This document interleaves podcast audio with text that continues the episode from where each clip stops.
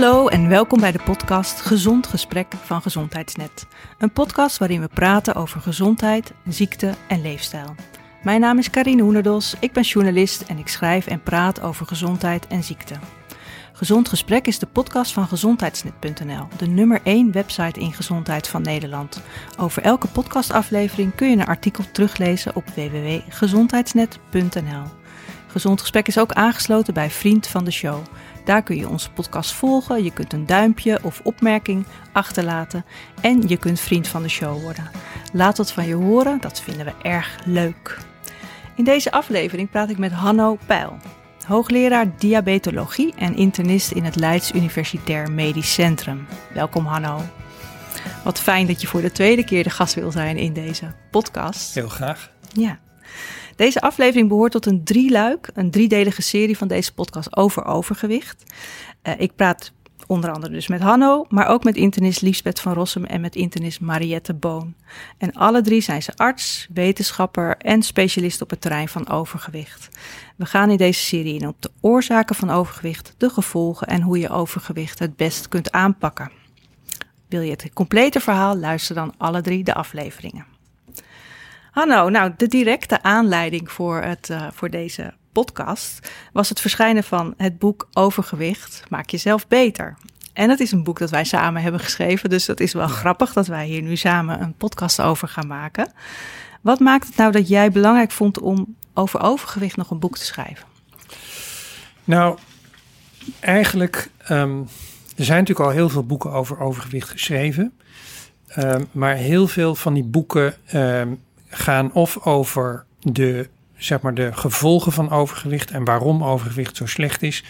En een ander deel gaat, uh, is heel erg gericht op um, eigenlijk op gewichtsverlies als belangrijkste focus.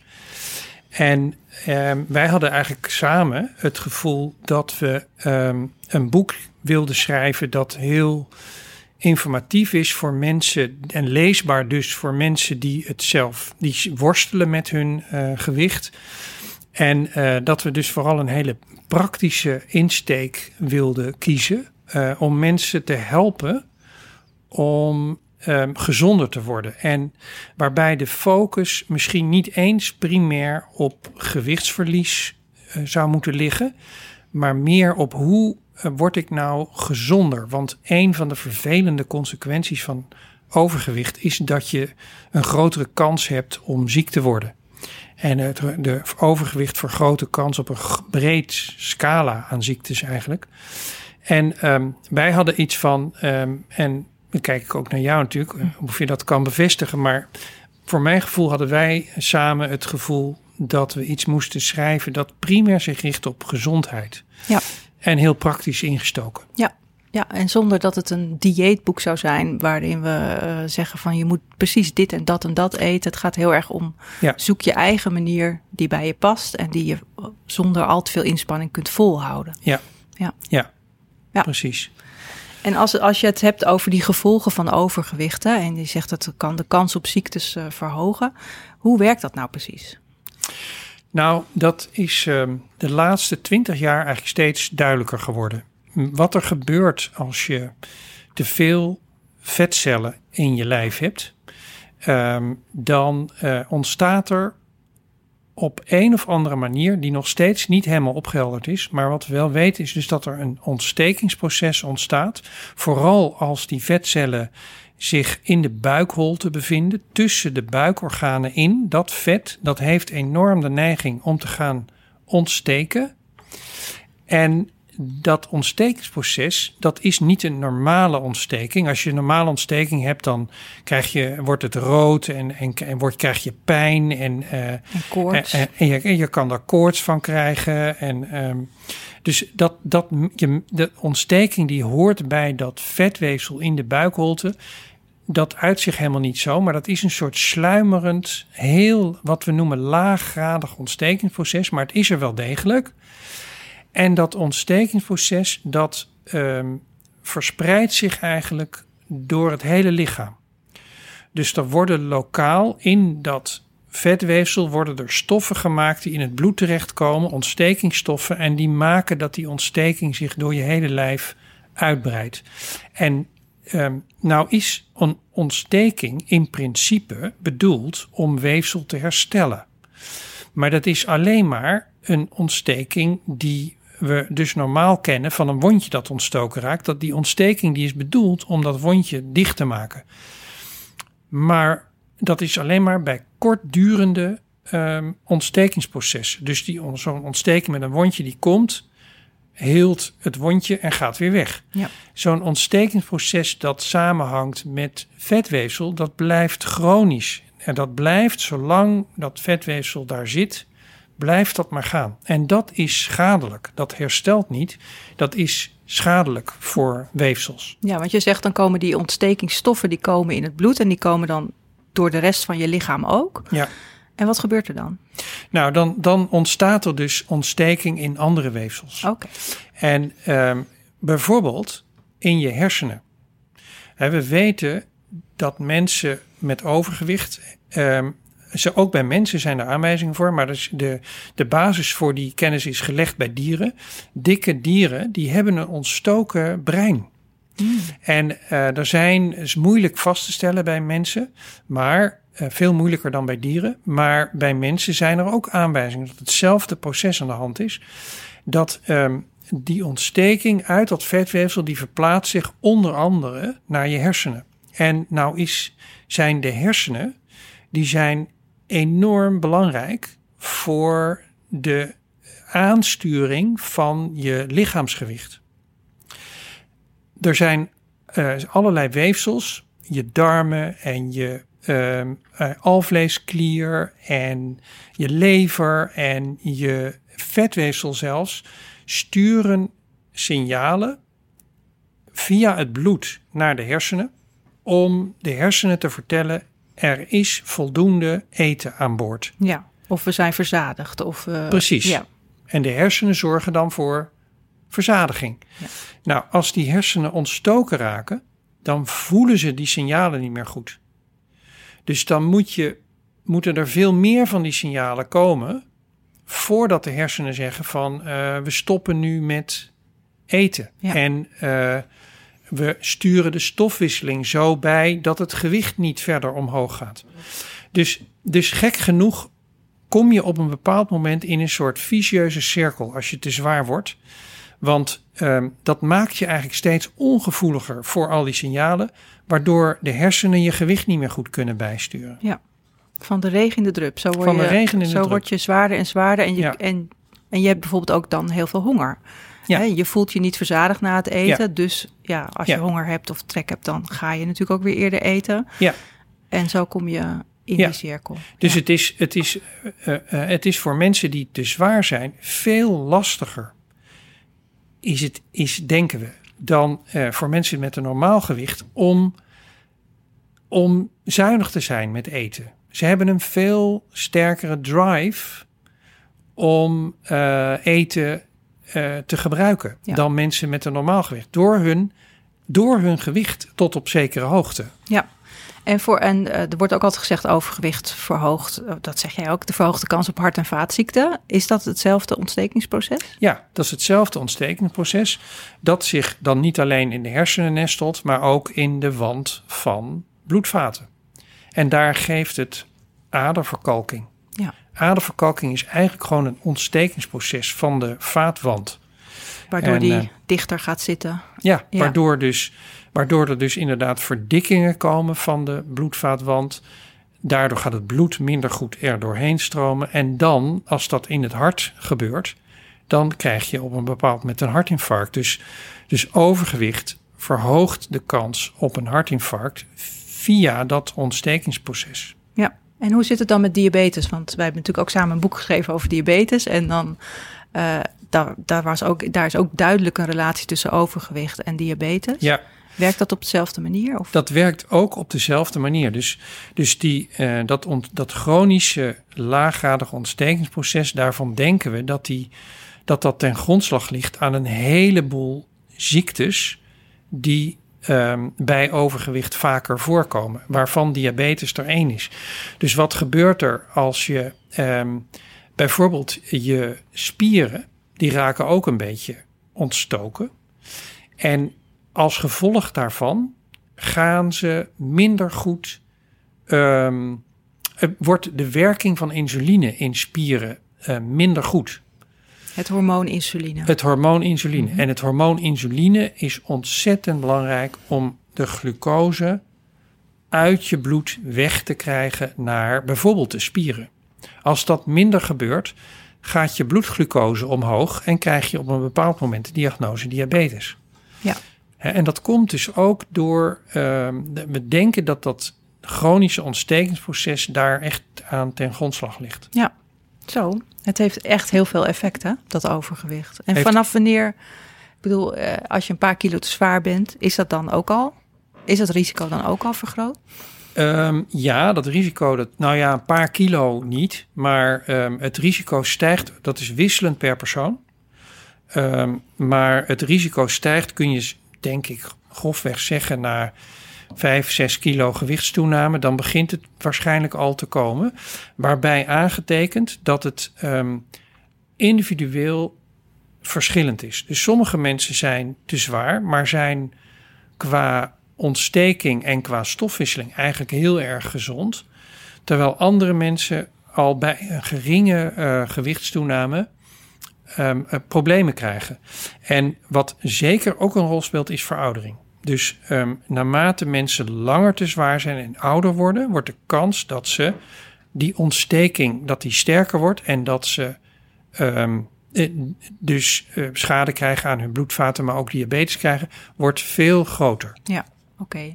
Dus vanaf een, kilo of vijf, zes. En ik denk dat ook de plek nog wel belangrijk is. Hè? Wat je Ja. zei van eh, tussen de organen, dat vet. Ja. Dus als je een buikje krijgt, dan moet je Ja. meer oppassen dan Ja. als het op de heupen of de billen zit.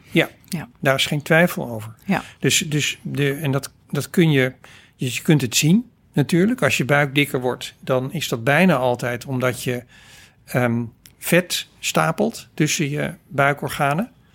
Eh, Er zijn een paar andere Zwangerschap oorzaken. kan ook, ja. Zwangerschap zou kunnen. Ehm, en er zijn nog wel een paar andere oorzaken, maar die zijn relatief heel erg zeldzaam. Het is bijna altijd omdat je te veel vet hebt zitten tussen je, ehm, tussen je organen. En dan, dat is inderdaad een, eh, een alarmsymptoom. Dat zou een reden kunnen zijn om eens naar je huisarts toe te gaan om een paar dingen te laten meten in het bloed. Om te zien ehm, of er problemen zijn. Ja. En wat kun je dan mee laten meten? Nou, dan meet de huisarts ehm, in ieder geval een bloedglucoseconcentratie. Is het suiker in je bloed? Ja. Ja, bloedsuiker. En ehm, wat verder nog eh, bekeken wordt, is eh, het cholesterol. En je hebt verschillende soorten van cholesterol in je bloed, maar die worden allemaal worden die gecheckt door de huisarts. En ehm er wordt ook zeker naar je bloeddruk gekeken, want dat is ook zoiets. Wat, dat, dat hoort ook bij ontsteking. Hè. De verhoging van de bloeddruk is, kan ook een uiting zijn van het ontstekingsproces.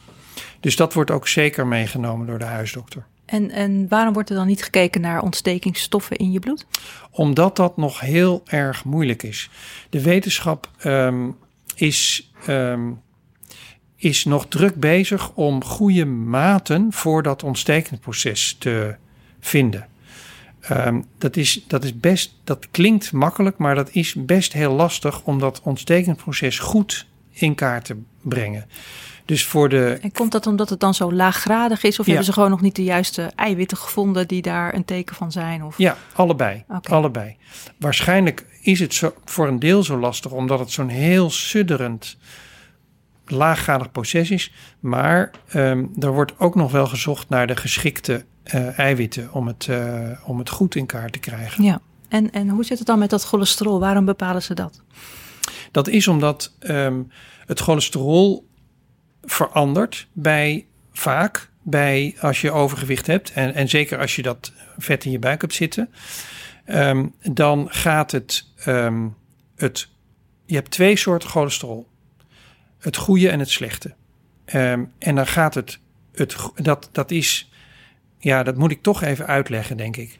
Dus cholesterol is cholesterol. Over cholesterol zijn zoveel vragen, dus leg het maar, Ja. leg het maar eens duidelijk uit. Ja. Nou, je hebt dus cholesterol is cholesterol. Dat is één soort stof. Maar je cholesterol kan niet zomaar in je bloed ronddrijven. Nee, want Dat het is moet- een vet en dat, dat is een vet. lost niet op. Ja. Precies, dat lost niet, ja, precies, dat lost niet op in water.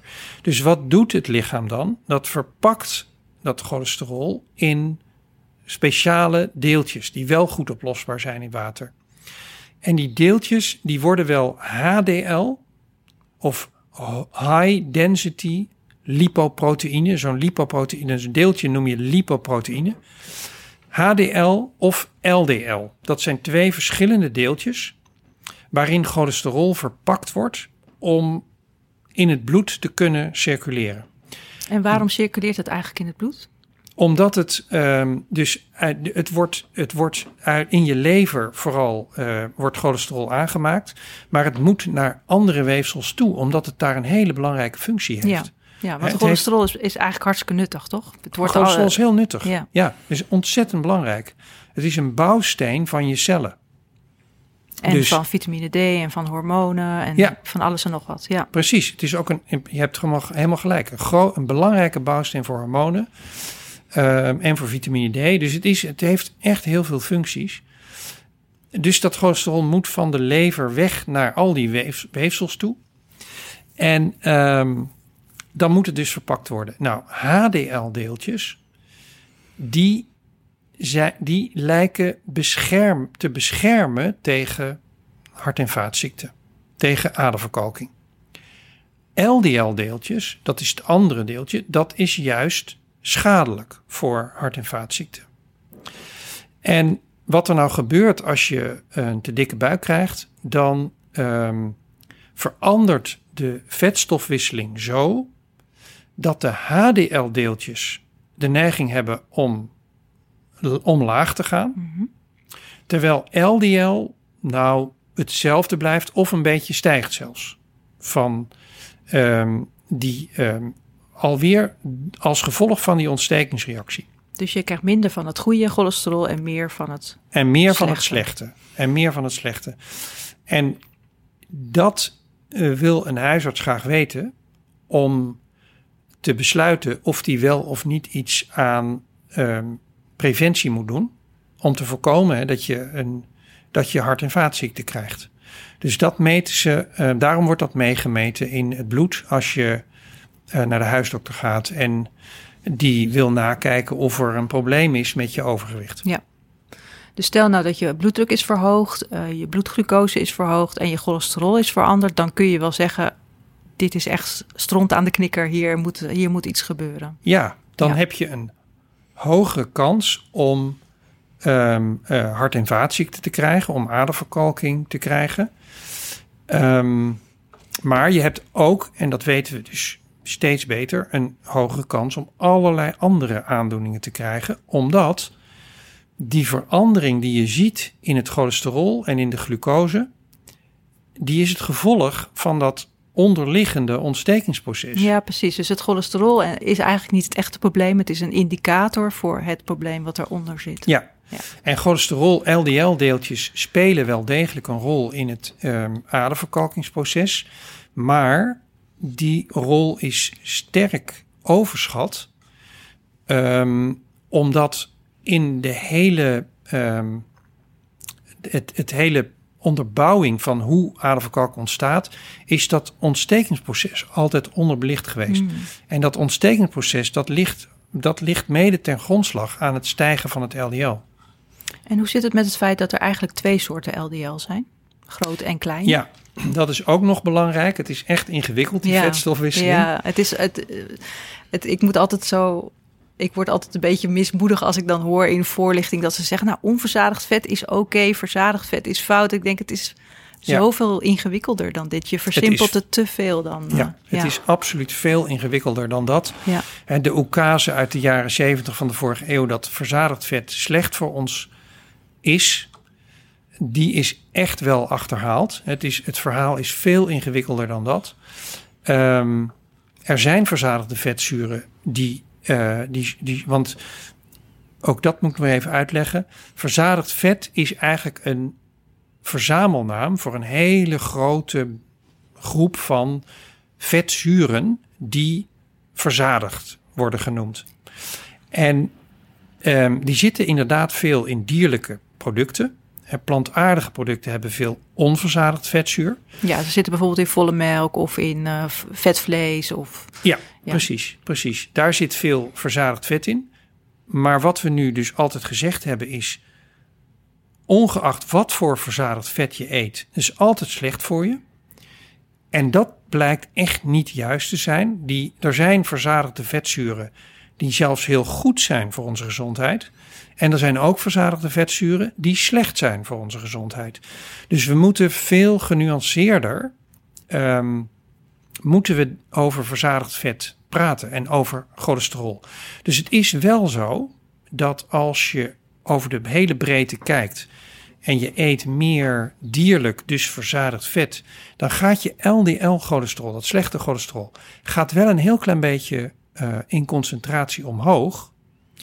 Maar wat tegelijkertijd gebeurt, want als mensen veel van dat verzadigde vet eten, dan eten ze vaak minder zetmeel en suiker. Ja.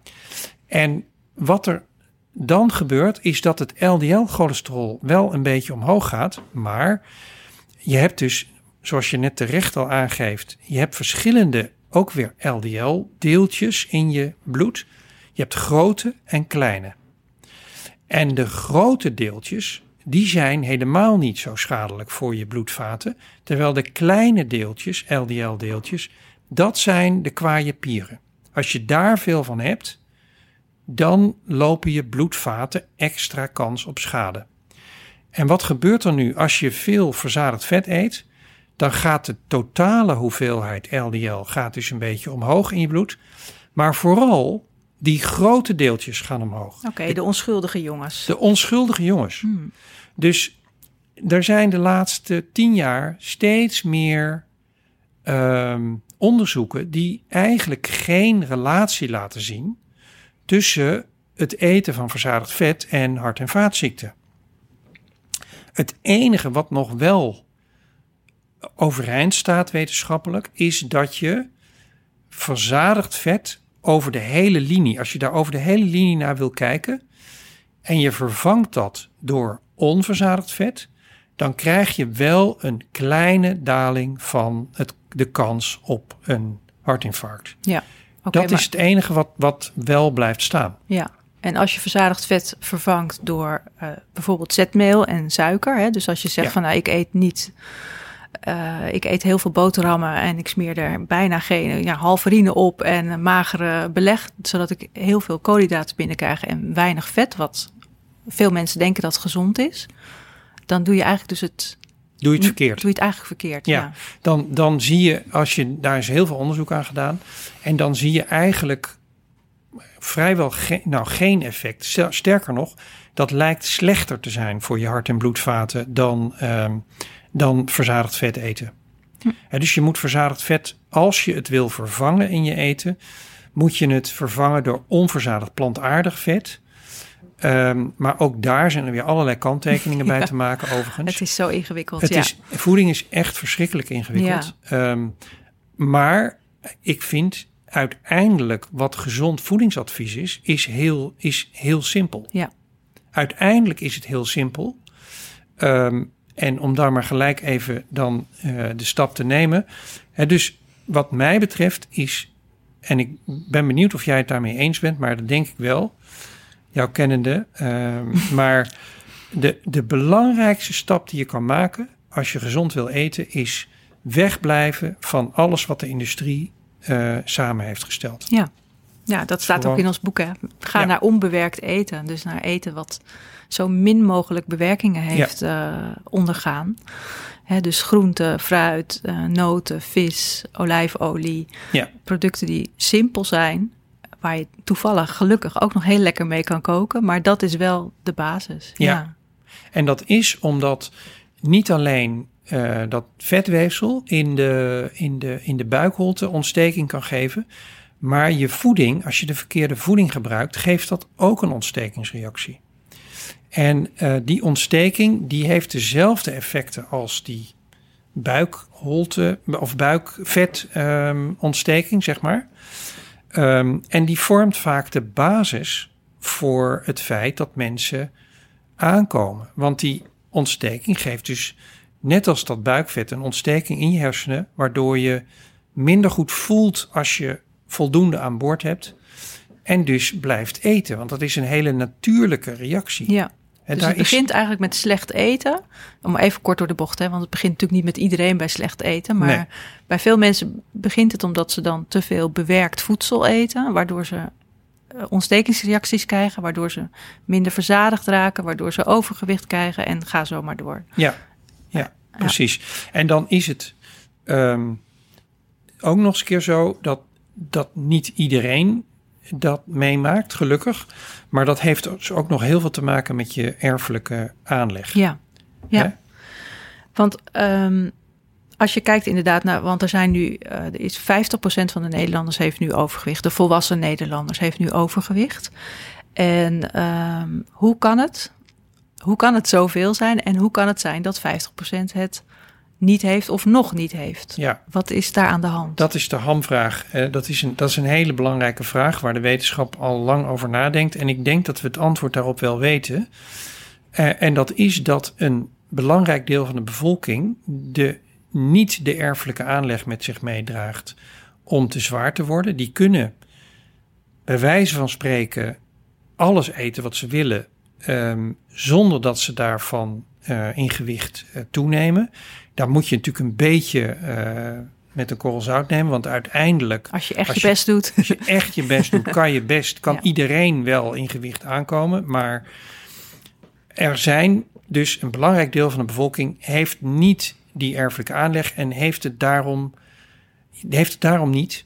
De rest van de bevolking heeft die erfelijke aanleg wel. Ja. En dan kun je je afvragen, en dat heeft de wetenschap dus ook gedaan, hoe kan dat nou dat zoveel mensen die genen bij zich hebben, die maken dat ze te zwaar worden, terwijl we weten dat overgewicht niet goed is voor je gezondheid.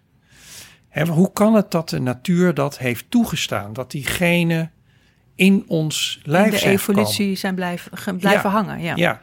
En, en dat, de antwoord op die vraag is um, dat wij eigenlijk in een hele, een super onnatuurlijke omgeving leven, waarin altijd eten aanwezig is. En dat is pas een paar honderd jaar. Dat is pas sinds de industriële revolutie, of eigenlijk pas de laatste honderd jaar is dat zo. En daar zijn wij dus niet voor gemaakt. Wij zijn als mens gemaakt om voortdurend door periodes heen te moeten dat we veel minder eten hebben. En als je nou in een periode dat er wel eten is, de genen bij je hebt die maken dat je dat eten heel efficiënt opslaat. Dat je er ontzettend efficiënt mee omgaat, hè, met alles wat je naar binnen werkt dan heb je een overlevingsvoordeel.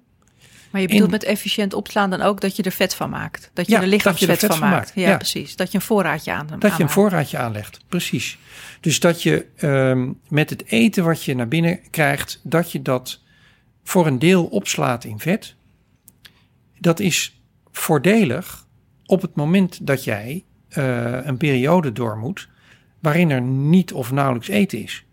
En dat is heel vaak voorgekomen in onze geschiedenis als mensen. We hebben miljoenen jaren in dat soort omstandigheden geleefd. Dus, dus zo zijn die genen, is het idee, in, um, in, onze, um, in ons erfelijk materiaal terechtgekomen. Ja, en 100 jaar is dan natuurlijk maar een oogwenk in de geschiedenis. Dus ja. kunnen wij niet, zo snel nee. kunnen onze genen niet veranderen. Nee. nee. Onze genen, uiteindelijk passen onze genen zich aan als we de natuur zijn beloop laten, wat we niet doen overigens, want we hebben de gezondheidszorg. Hè, dus die zit de, het evolutionaire proces in de weg. Maar dat is een heel ander verhaal. Ja. um, maar, um, um, maar op een gegeven moment passen je genen zich aan. Maar dat duurt duizenden jaren voordat ja. dat heel effectief gebeurt. Ja. En intussen zitten we met de gebakken peren. En intussen zitten we met de gebakken peren. Ja, en uh, als je kijkt naar bijvoorbeeld Amerika, daar is het volgens mij al, nou wat is het, 75% of zo van de, van de Amerikanen, die ja. heeft al overgewicht, volwassen Amerikanen. Ja. Is dit iets waar Nederland ook naar op weg is? Dat vind ik een hele moeilijke vraag. Um, wij volgen de Amerikanen in heel veel opzichten. Dus dan zou het antwoord ja zijn. Aan de andere kant weet ik niet of het in Nederland uiteindelijk zo erg wordt. Als je ziet hoe die eetcultuur in, in Amerika is en ehm, hoeveel ja, eh, weerstand ik daartegen voel in Nederland ook wel. ik zie in Nederland nog niet de porties Coca-Cola net zo groot worden als in de Verenigde Staten. En toch speelt dat wel een belangrijke rol in, de, ehm, in het probleem, bij het probleem in de VS. Dus ik, ik denk het eerlijk gezegd niet dat we in Nederland, maar goed, in Nederland is het ook al 50% van de bevolking. Hè? Ja. Ja, ik dus kan me herinneren dat ik ooit nog op een congres was en dat een, een, wetenschapper zei van ja, jullie Hollanders, jullie zijn beschermd door de fiets. Jullie fietsen tenminste nog. Uh, en dat zal voor een deel wel misschien voor hebben gezorgd dat wij inderdaad nog wat achterlopen uh, bij deze trend. Ja. Maar, uh, nee, er zijn meer inderdaad mensen die dat denken. Dat fietsen, wij zijn echt een fietsland. En um, dat heeft natuurlijk toch, is gunstig voor je gewicht. Dat valt niet te ontkennen. Ja. Um, ja, je noemde net al, en uh, dat is natuurlijk wel een interessant punt, dat je zegt, nou, sommige mensen zijn er ongevoelig voor, die worden dus niet dik, maar er zijn ook mensen die uh, te dik zijn, te veel, die overgewicht hebben en die niet ziek worden. Ja. En um, hoe, hoe werkt dat? Ja, dat heeft te maken met, um, dat, dat weten we niet precies, laat ik dat voorop stellen, maar er zijn wel ideeën over. Enerzijds, dat weten we wel, het heeft te maken alweer met je erfelijke materiaal. Dus dat als je dat ontstekingsproces hebt, dat in enerzijds is het ontstekingsproces zelfs voor een deel afhankelijk van erfelijke aanleg. Hè? Dus krijg je dat wel of krijg je dat niet, denken we. Maar als je het al hebt, dan zijn genen, jouw genen bepalen eigenlijk wat voor ziekte je daarvan krijgt. Um, voor een deel. Mhm. Voor een ander deel is er waarschijnlijk toch ook gewoon bottenpech. Hè, de, die, um, je moet je voorstellen dat ontstekingsproces dat beschadigt bijvoorbeeld ons erfelijke materiaal, ons DNA. Dat um, DNA, daar is, hebben we een fantastisch herstelmechanisme voor. Dat dus voortdurend Ehm, DNA-schade aan het herstellen is. Om je een indruk te geven, er wordt geschat dat in elk van onze cellen in ons lijf elke dag 10.000 DNA-beschadigingen optreden. Oh. En dat wordt dus in elke cel wordt dat dus voortdurend wordt dat gerepareerd. Dat is een enorm uh, ingewikkeld en superbelangrijk proces. Maar je kunt je voorstellen dat dat een keer fout gaat. Want als je ontsteking hebt, dan heb je heel veel van die beschadigingen. Ja, dan precies. Dat is het belangrijkste effect van dat ontstekingsproces. Dat werkt beschadiging in de hand. Ja. Dus dat beschadigt onder andere je DNA. En um, hoe meer schade, hoe meer kans je natuurlijk hebt dat er een keer iets misgaat. Ja. En, um, maar het gaat om kansen. Dus, dus het, zelfs mensen die alles goed doen, ook mensen met een heel normaal gewicht, kunnen natuurlijk gewoon een hartinfarct krijgen. Ja. Um, het is niet zo dat, het, dat je alle ziekten kunt, kunt wegschuiven op, uh, op te veel uh, vet in je buik. Absoluut niet. Maar het, het vergroot de kans dat je iets krijgt. En bij die kans zit ook gewoon um, bottenpech. Ja. Je kan gewoon door bottenpech kan er een keer iets misgaan in je lijf, waardoor je een ziekte oploopt, denken we. Ja.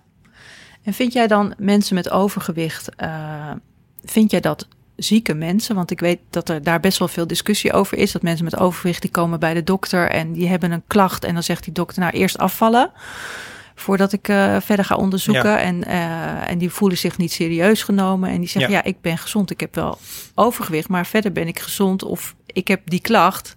dat hoeft echt niet altijd samen te hangen met overgewicht. Nee. Wat vind je daarvan? Nee, dat, dat, ik vind... Um, persoonlijk vind ik mensen met overgewicht... Ik weet dat de Wereldgezondheidsorganisatie... die um, vindt overgewicht een ziekte. En dat wordt ingegeven door het feit dat um, die erfelijke aanleg daar zo'n belangrijke rol in speelt. Dus in die zin kan ik het wel volgen. Maar ik vind eigenlijk overgewicht meer een risicofactor voor andere ziektes. En niet zozeer op zichzelf een ziekte, eerlijk gezegd. Maar dat is mijn persoonlijke mening hoor. Daar zijn anderen mm, mm, soms, soms niet mee eens. Ehm, en lang niet alle klachten ehm, die mensen hebben, die hangen samen met hun gewicht. Dus het is een terechte klacht als ze dat zeggen van ik kom bij de dokter en die kijkt altijd alleen maar naar mijn gewicht. Ja, en... dat, dat, dat is vind ik een volkomen terechte klacht. En je, moet, je moet heel objectief kijken naar waar klachten vandaan komen. En lang niet alles heeft met overgewicht te maken. Er zijn best dingen die dat. Die, mm, overgewicht kan wel klachten veroorzaken. Vermoeidheid bijvoorbeeld is een kortademigheid, is een bekende uh, klacht uh, van, van mensen met overgewicht. Uh, je kunt natuurlijk last met je gewrichten krijgen. Um, en het is dus ontzettend belangrijk dat artsen samen met patiënten aandacht geven aan het gewicht, omdat het wel degelijk um, klachten kan geven en de kans vergroot op ziekte op latere leeftijd. Maar om alles op gewicht te schuiven is volkomen onterecht natuurlijk. Ja. Ja, maar eigenlijk zie je het dus als een risicofactor, net als die hoge bloeddruk en dat cholesterol ja. en ja. dat bloedsuiker. Ja. Ja. Ja, oké. Okay. Um, in het boek schreef jij ook, uh, in ons boek schreef je ook een hoofdstuk over de biologische klok. En dat, en dat is denk ik ook wel interessant, want je zei net al van we leven in een maatschappij waarin er altijd maar eten is. Ja. Uh, waarin we ook dus veel vaker eten, denk ik, dan wat onze voorouders deden. Ja. Wat, wat is jouw visie daarop?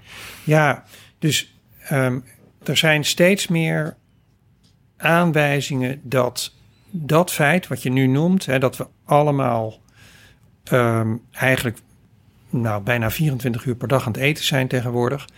Dat is heel onnatuurlijk. Wij zijn gemaakt om te leven, actief te zijn en te eten overdag. En daar is onze biologische klok ook op afgesteld. En wat nu steeds duidelijker wordt, maar dat is vooral nog wel dierexperimenteel onderzoek, is dat um, als je buiten die lichtperiode, zullen we maar even zeggen, eet, dan heeft dat een hele andere invloed op je stofwisseling en op je um, op de manier waarop je met voeding omgaat, um, dan als je alles eet in uh, als het licht is. Hè? Dus, um, dus het voeding is een ontzettend belangrijke wat we noemen sidegamer. Het geeft een soort prikkel aan je het zet je biologische klok op tijd. Dus als je continu aan het eten bent, dan raakt die biologische klok die raakt in de war. En dat heeft belangrijke effecten op je stofwisseling, die niet gunstig zijn. Maar je zegt er, er wordt onderzoek gedaan met proefdieren. Wat, wat is dan bijvoorbeeld zo'n onderzoek? Nou, als je, er is het, het hele verhaal van de biologische klok is. En, en de stofwisseling en overgewicht is eigenlijk begonnen ongeveer tien jaar geleden, toen kwam er een, een artikel uit waarin ze het volgende hadden gedaan. Als we weten dat als je uh, muizen, als je die uh, hoog vetvoeding geeft, dat is overigens voeding waar ook heel veel koolhydraat nog in zit, maar dat wordt dan hoog vetvoeding genoemd omdat muizen van zichzelf heel weinig vet eten. Als je die hoog vetvoeding geeft, dan uh, worden die muizen, die worden dik daarvan. Bijna zonder uitzondering. Niet 50%, maar meer? Nee. Oké. En muizen zijn nog slechter beschermd tegen. Ja, muizen zijn heel slecht beschermd. Eh, sommige muizenstammen, andere weer niet. Dat heeft ook weer te maken met genen. Maar er zijn muizenstammen die echt heel dik worden.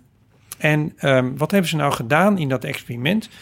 Wat we ook weten is als je die, die muizen dus dat hoog vetvoer geeft, dan gaan ze door de hele dag door gaan ze dat eten.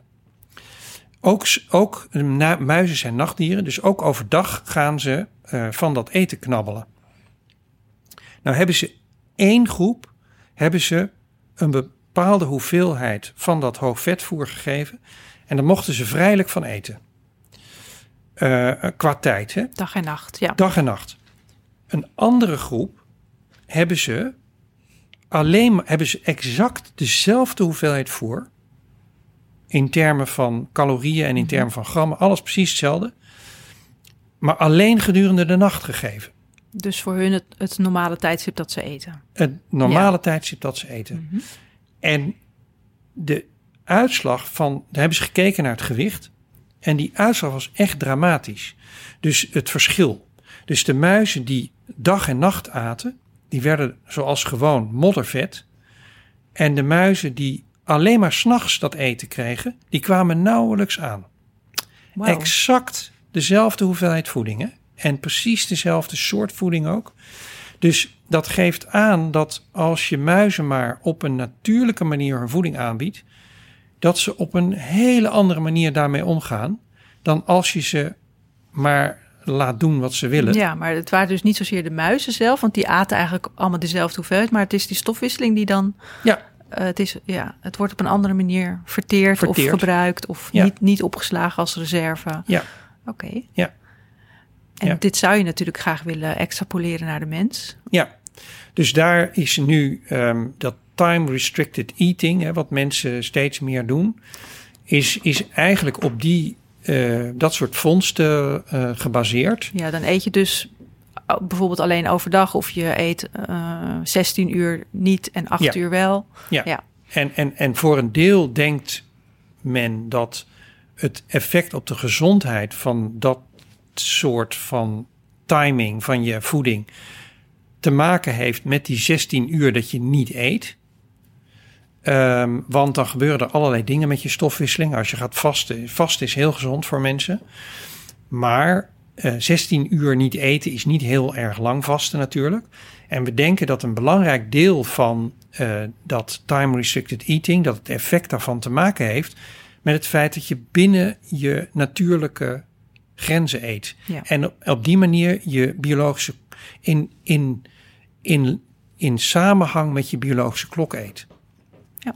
En het, het beste ook om, eh, da- daar zijn wel niet heel veel, maar er zijn langzaam wel wat aanwijzingen dat je eigenlijk het beste dus kan beginnen met eten 's ochtends als je opstaat, of eventjes natuurlijk wat anders, maar dan in ieder geval in de ochtend eten en dan na pakweg zes uur, als het donker begint te worden, niet meer. Hm.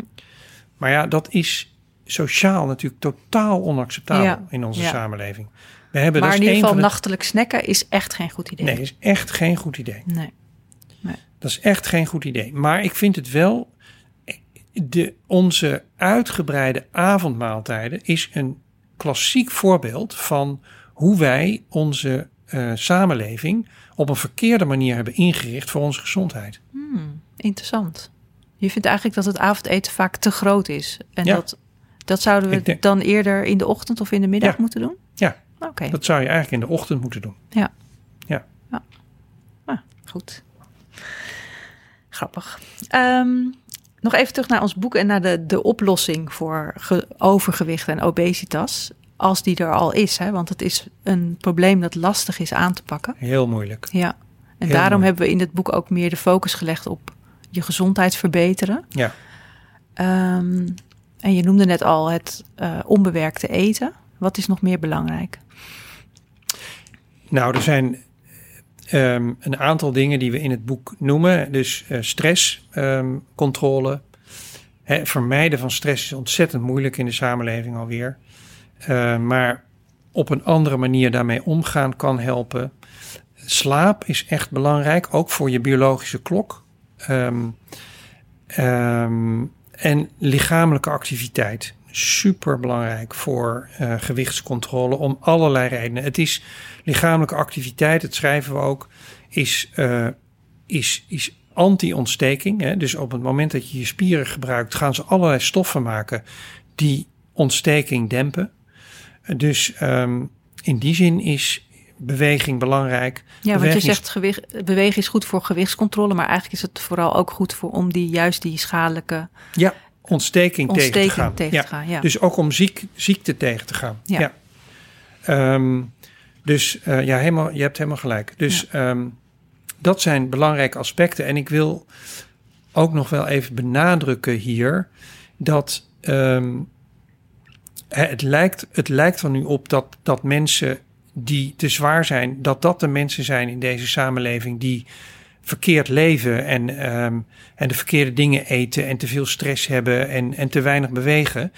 En dat is dus een volstrekt verkeerde ehm, manier van kijken. Want dat doen we allemaal verkeerd. Ja. Maar die mensen die te zwaar zijn, hebben het ongeluk dat ze de genetische aanleg hebben om te zwaar te worden. En dat neemt niet weg dat al die dingen die wij allemaal verkeerd doen, als mensen met overgewicht daar iets aan kunnen doen, dat ze zichzelf een enorme dienst bewijzen. Ze worden gezonder en ze verliezen, eh, ze kunnen gewicht verliezen. Maar het is ongelooflijk lastig om in de context van onze samenleving, zoals wij die hebben ingericht, om het goede te doen. Je Ja. wordt continu verleid om de verkeerde dingen te doen.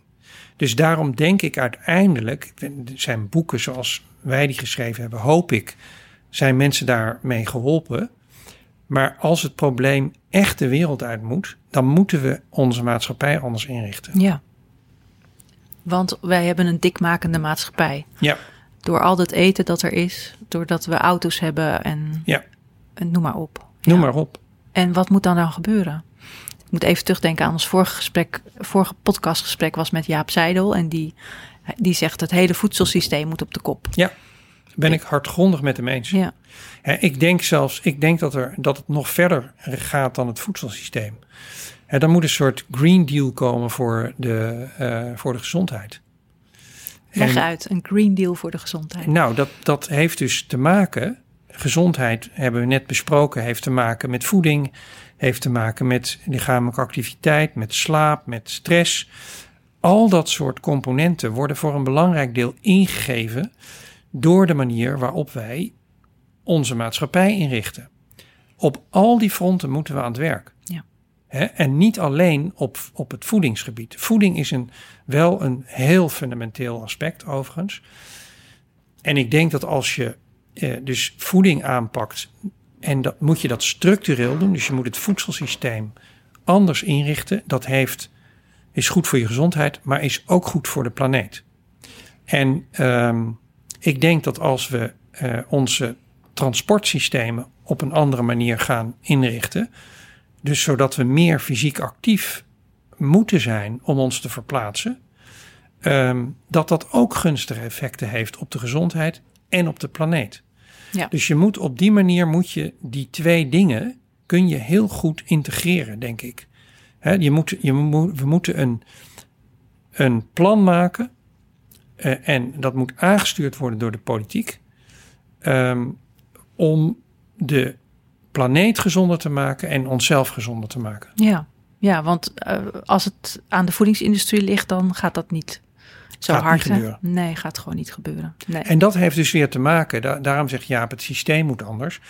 Dat kun je die voedingsindustrie ook niet kwalijk nemen. Want zij overleven door producten te verkopen. En willen ze producten verkopen, dan moeten ze er allemaal rommel in stoppen. Want mensen vinden dat heerlijk. Ja, ik vind Ja. het wel heel mild van jou dat je dit zo zegt over de voedingsindustrie. Ja, maar ik denk werkelijk dat, dat het, het systeem. ehm, Het kijk, ik vind, ik vind de voedingsindustrie heeft wel een morele plicht ook. hè? ja, dat bedoel ik. Dus ja. dat vind ik ook hoor. Dus ze moeten, ehm, ze moeten aan het werk. Maar ik ben misschien zelfs nog wat radicaler ehm, dan ik klonk net. Want ik, ehm, ik vind eigenlijk dat de voedingsindustrie gewoon weg moet. Ja, dat is een stuk radicaler. Ja. Ja. ik vind eigenlijk dat wij dat we terug moeten naar onze natuurlijke voeding. Ja. En we moeten daar misschien dat de voedingsindustrie een, een rol kan spelen in slimmere methoden om groente te bewaren, bijvoorbeeld. Hè, dat, we, dat we niet zoveel weg hoeven te gooien. Ehm, de- over dat soort dingen moeten we gaan nadenken. Maar al die samengestelde producten, Die we- knutselproducten, ja. die kun je een beetje gezonder maken. Maar echt gezond. En overigens, dat geeft de voedingsindustrie zelf ook toe. Hè? Ja, Echt gezond wordt het nooit. oké. Nou, ik vind het wel een mooie uitsmijter. De voedingsindustrie weg. en, eh, en dan is het, nou, dan zijn niet alle problemen opgelost, want er zijn er nog meer. Maar het voedingssysteem moet echt op de, Moet op de echt schop. op de schop. Vind ja. jij? Ja, mooi. Dankjewel Hanno. Het was nou, een mooi heel gesprek. Graag gedaan. Ja. Je luisterde naar Gezond Gesprek, een podcast van Gezondheidsnet, gepresenteerd door Carine Hoenedos met producer Jonne Cerise. De tune is van de onvolprezen De Yearlings. Wil je meer weten over het onderwerp van deze podcast? Kijk dan zeker op www.gezondheidsnet.nl. En wil je reageren? Dat kan en dat vinden we heel erg leuk. Je kunt reageren via Vriend van de Show, gewoon een duimpje opsteken of een extra vraag aan de gast stellen, alles kan.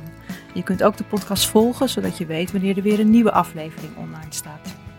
We zijn verder heel blij als je deze podcast deelt op bijvoorbeeld Twitter, Instagram of Facebook. Dan kunnen meer mensen onze podcast vinden. Tot de volgende keer, tot het volgende gezond gesprek.